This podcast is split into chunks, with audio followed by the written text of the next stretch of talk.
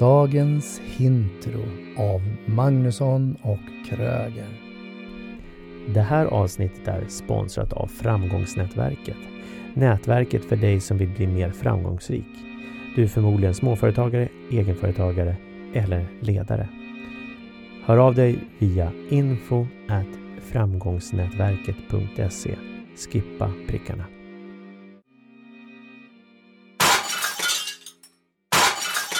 Ja, nu, alltså det är, nu jäklar. Okej, nu, nu upplever vi som att vi går vidare i den här matrisen. Vi har varit på undvika, vi har varit på anpassa och nu går vi upp på den axeln där vi kommer upp till kamp, där egentligen omsorg mina egna intressen. Och det är ju inte allt för ovanligt att det, att det är lite saker som flyger och kraschar och går sönder. Mm. Vad händer när du blir riktigt, riktigt arg, Daniel? Jag höjer rösten. Väldigt tydligt skulle jag säga. På det sättet? Ja, jag höjer rösten. Jag höjer rösten. Ja. ja. ja men jag, allt ifrån att jag kan låta kanske sträng, hård, kort, men också volymen går upp. Mm.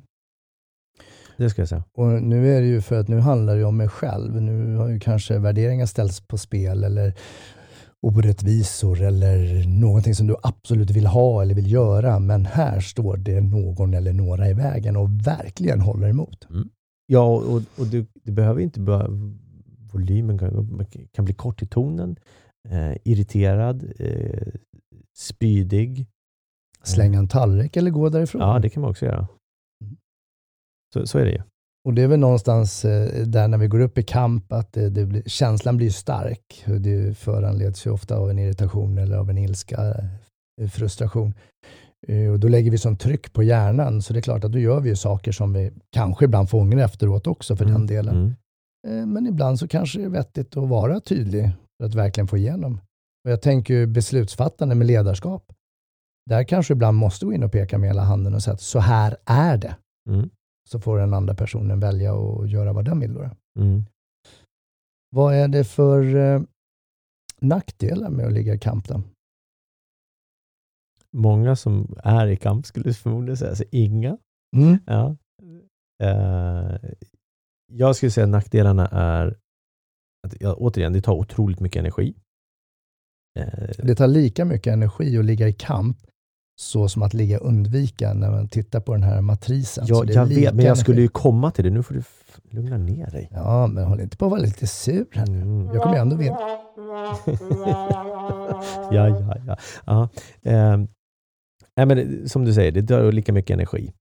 Och eh, en annan nackdel är ju såklart att du hamnar ju oftast i konflikter om du har en, ett beteende att gå in i kamp ofta.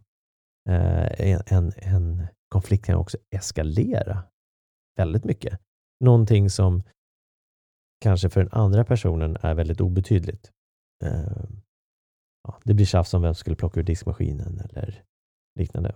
Och, men, men, men skälet till att du kanske då blir väldigt upprörd över en sån sak, det är ju förmodligen för att det har hänt flera saker som har byggt på det och du har undvikit en konflikt och sen rätt vad det är så bara boom.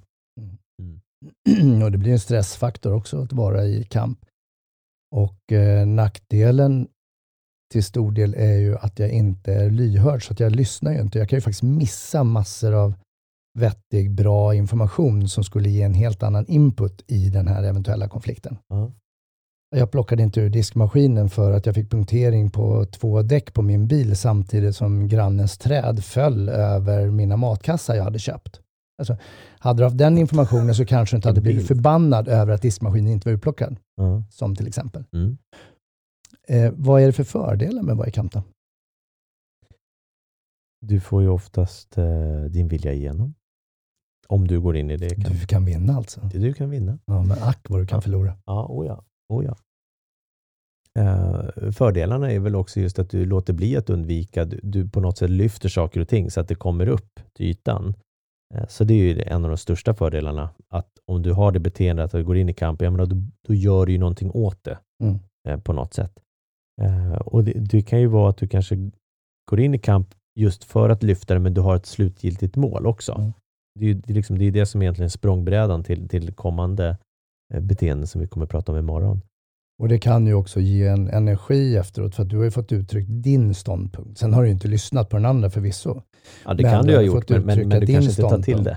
ja, ni kanske har stått och skrikit så mycket så att utmattningen mellan två personer till slut liksom klar, eh, typ i en relation. Har vi skrikit ja. så mycket så att nu måste vi gå och lägga oss istället. Ja. Och jag tänker, det är just när du är inne i kamp och är i de där situationerna du efteråt kan säga, Åh, det där skulle jag ha sagt. Men det kom du inte på i stundens hetta. Men då ska du få en fråga av mig. Mm. Om du är ute och flyger med ett flygplan, mm. piloten ropar ut i högtalaren och så säger han så här, vi kommer behöva nödlanda och det kommer smälla till ordentligt. Det är ett sätt att uttrycka. Ett annat sätt att uttrycka samma sak skulle vara, hej, eh, vi har lite problem här ombord på vårt plan och vi funderar på hur vi tycker att, eh, ja, om vi ska ta ett konsensusbeslut, hur ska vi landa planet? Eller att det kan få in lite förslag. Eller att det bara, hej, och så landade vi. Alltså, vi undvek allt. Uh. Vilket skulle du må bäst av? Någon som talar om som det är? Eller någon som vill hålla på att anpassa sig, gulla runt? Eller någon som undviker? Eh, I det här fallet så är det självklart någon som talar om hur det är och vad som kommer hända. Mm. mm. Brace yourself. Spänn fast bältet, det här kommer smälla ordentligt. Mm. Ja, då vet du. Så alltså så finns det ju många fördelar eh, kontra eventuella nackdelar eller utmaningar med, med det här med konflikter. Mm. Och är du nu en människa som ofta går in i kamp, vilket en del har ju tränat på det här redan från det att de var små, att, att kunna gå in i kamp och jag är en av dem. Eh, då märks det på hela kroppsspråket, men just att träna på att göra något annat då. Om jag blir det här lite irriterad och in i kampen, att verkligen sug in luften hela vägen ner till fotknölarna och se, kan jag göra det på något annat sätt? Hinner jag göra på något annat sätt innan jag exploderar? Hinner jag undvika det här? Hinner jag anpassa? Alltså bara träna på ett annat beteende. Precis, och jag tror att det är det som är viktigt, att eh, ta en time-out innan det briserar då. För att börja titta på hur kan jag lösa det här på ett annat sätt än att gå in och skrika eller gapa eller höja rösten och så vidare. Mm. Som sagt, det är inte barnen som behöver ta en time-out, det är föräldrarna som behöver ta en time-out. Och i vissa fall självklart ledarna som behöver ta en time-out också innan de Eh, exploderar över sin medarbetare eller kollega eller kollegor emellan. Mm. Och vi är ju ganska duktiga, ibland tar vi en time-out. Är du medveten om hur bra du är på det du gör? Oss hittar du på magnussonkroger.se